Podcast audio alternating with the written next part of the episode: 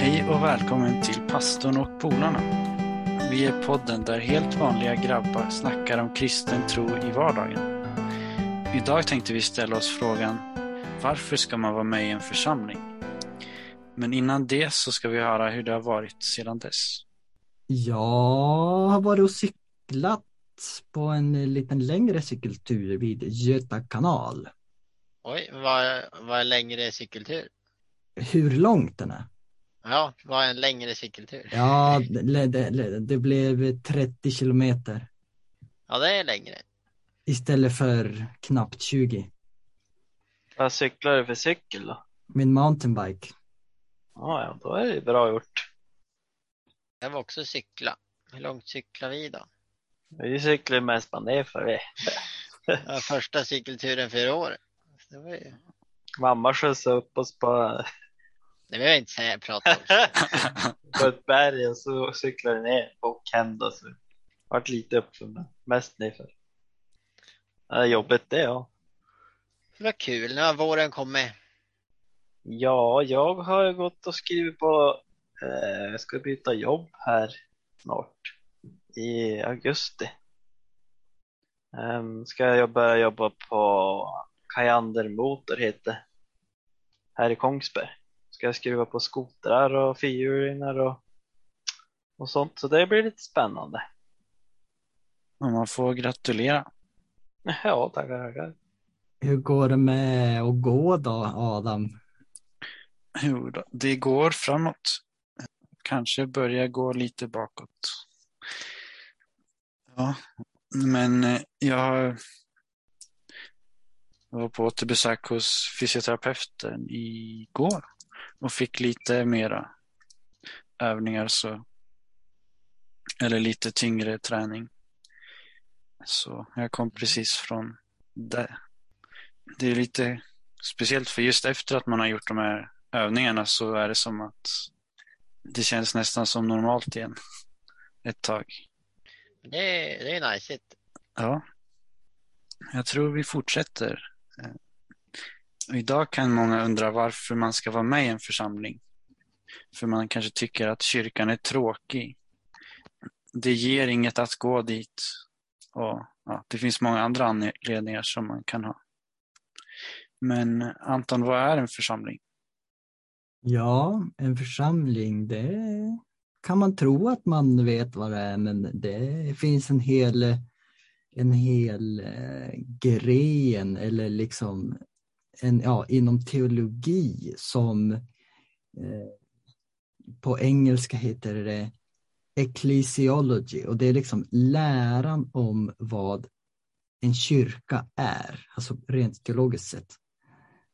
Så eh, precis som att du kan säga biologi eller liksom eh, sådana där saker så kan du studera läran om kyrka. Så det är en hel, hel grej. Men eh, vi ska inte ta den nu. Men eh, församlingen är väl liksom eh, det första är att församlingen är inte samma sak som kyrkbyggnaden i sig. Utan församlingen är ju liksom människorna, en grupp människor. Och det är inte heller ett program som man kan tänka, men det är bara ett program eller ett där man går till och sitter av och eh, checkar av grejer. Eller som Nathanael sa när vi förberedde, det är en samling av människor som tror på Gud och tillber honom. Jag tror att det är nog egentligen det enklaste man kan säga vad en församling är. Och att det är som en familj, det är också en, en, eh, ja, en ganska använd eh, bild på vad, vad, det, vad en församling är. Eh, Ja, ska jag ta lite om eh, vad församlingen är bra för, höll jag på att säga. Ja, gör det. Ja, församlingen, alltså det gör ju, att ha församling det är väldigt fint för att det förenar oss. Vi kommer ju närmare Gud. Det hjälper oss att komma närmare Gud. Och eh, förenar oss med andra människor så vi får vänner och blir en gemenskap. Och en, en, ny familj som närmare än vänner också kanske, relationer som, som eh, familj. Och det är, det är ett andligt hem, skulle jag säga, att vi har någonstans att komma. Och eh, det ger oss möjlighet att arbeta tillsammans mot ett och samma mål. Så det är lite av vad församlingen är och gör för var och en av oss.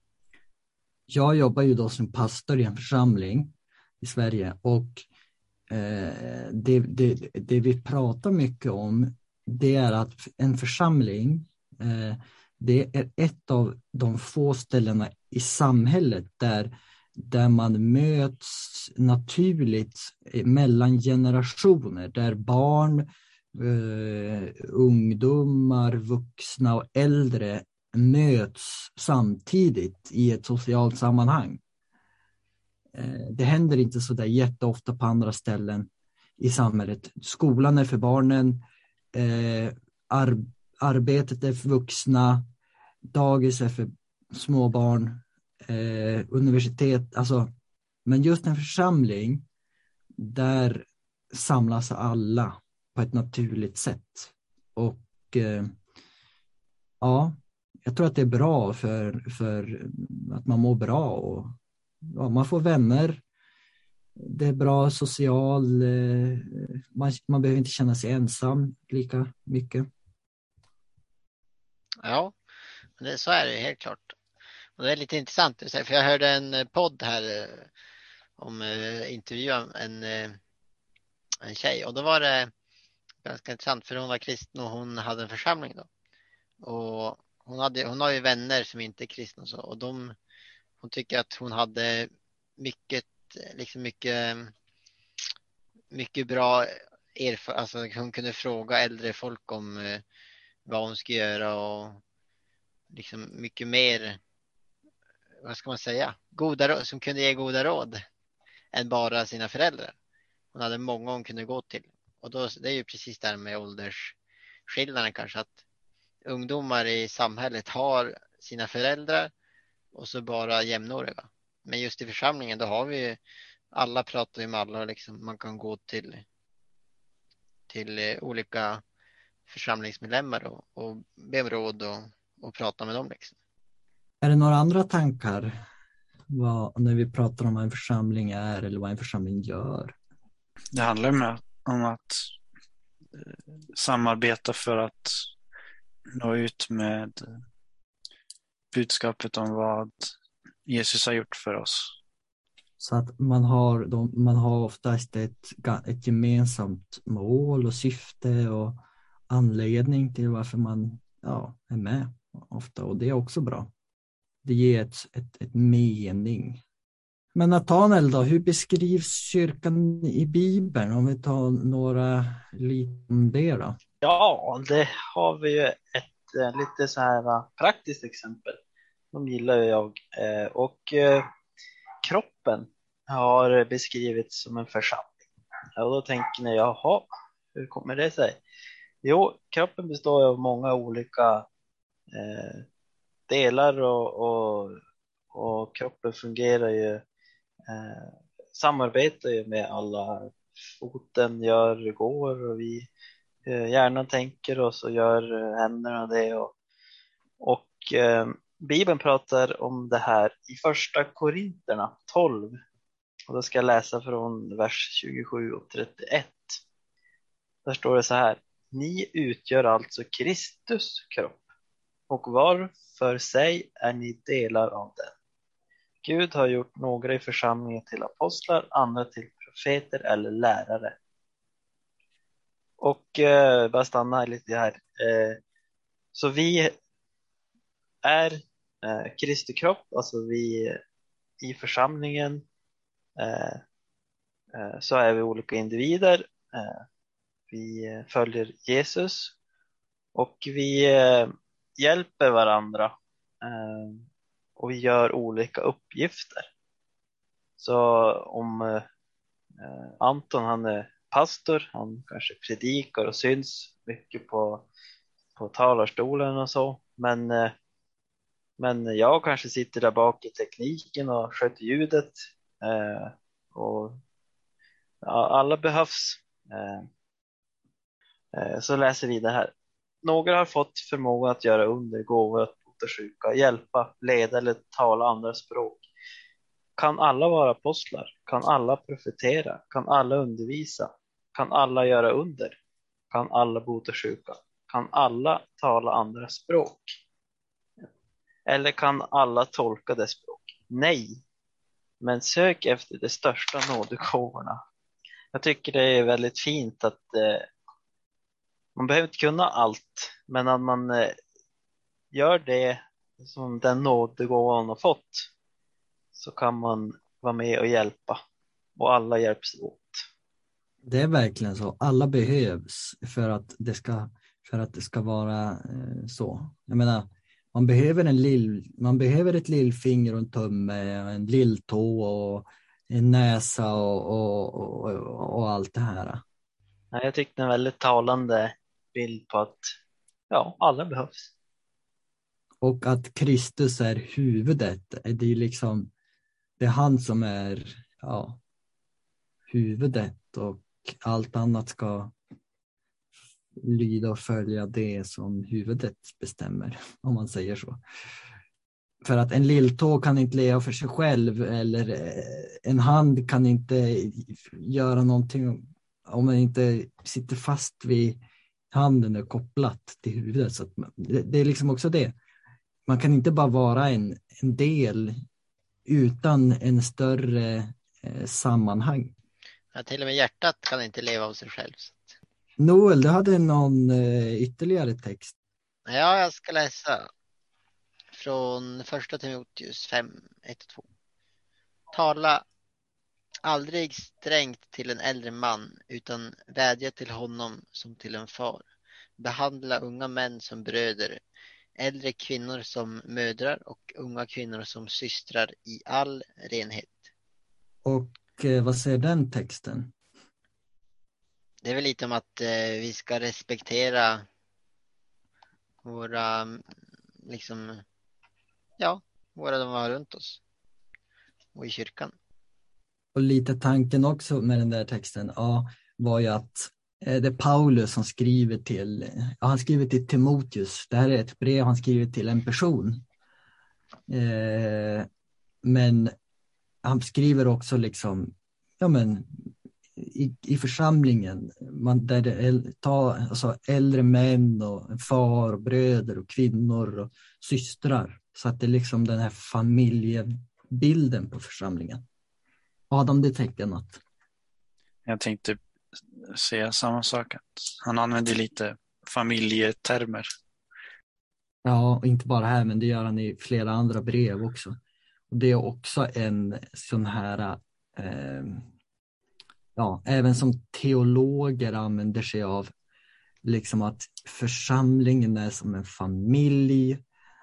Eh, och vad, vad det innebär. Och det är också en eh, väldigt intressant tanke.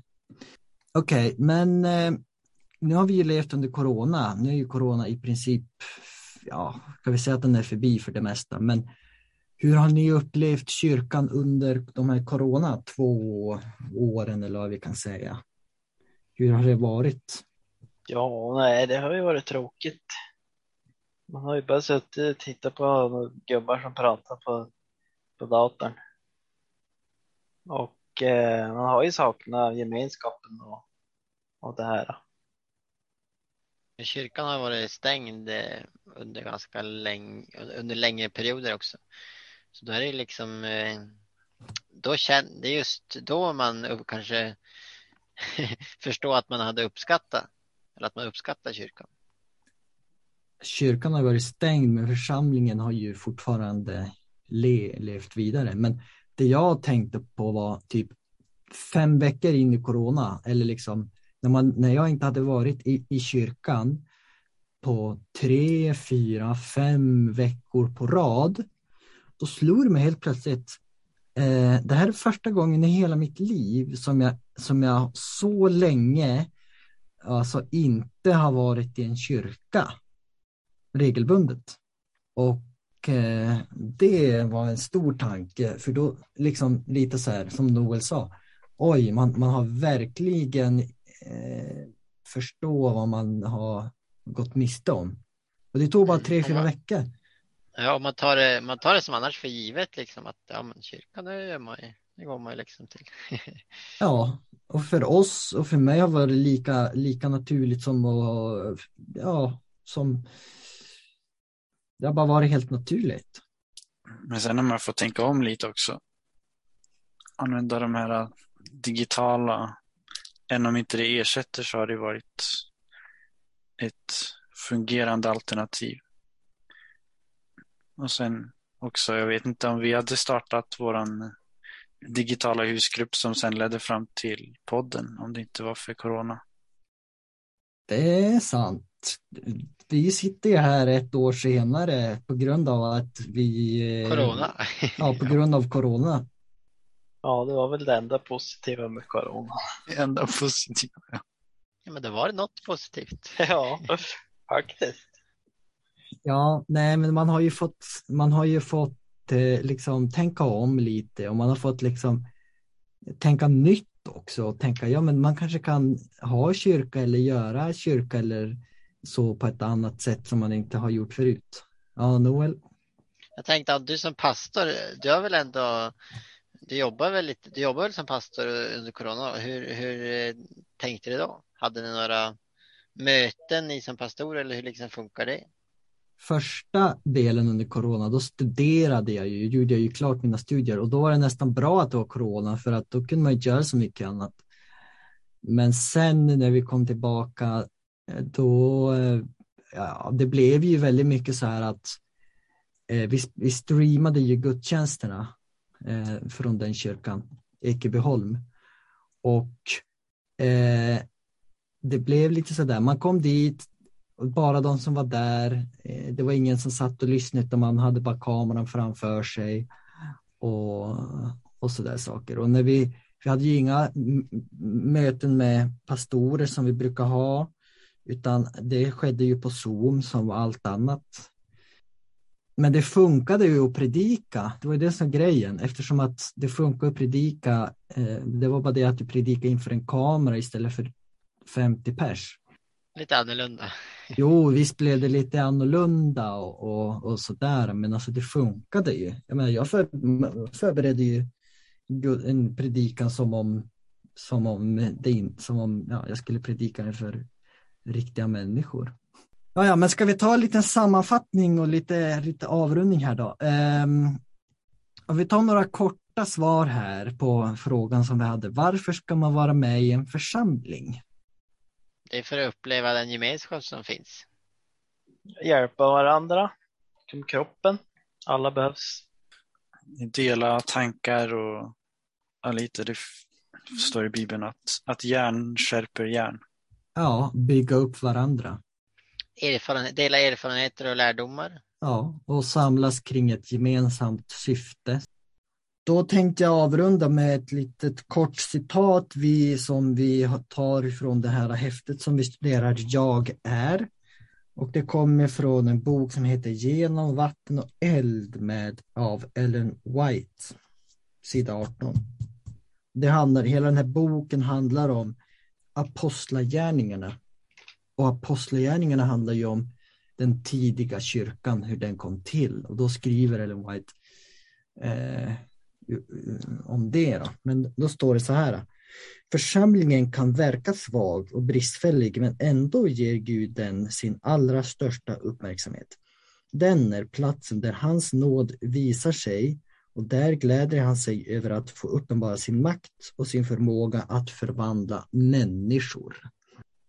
Så det får bli våra avslutande ord här för det här avsnittet. Så hoppas vi att ni eh, har lyssnat ända till slutet och att ni prenumererar på Youtube och Instagram och Facebook och det nyaste är TikTok som vi fortfarande håller på att lära oss och bli bra på. Men det, ja, vi kör. Så eh, vi hörs nästa vecka. Hej då! Hej då! Hej då! Hej då!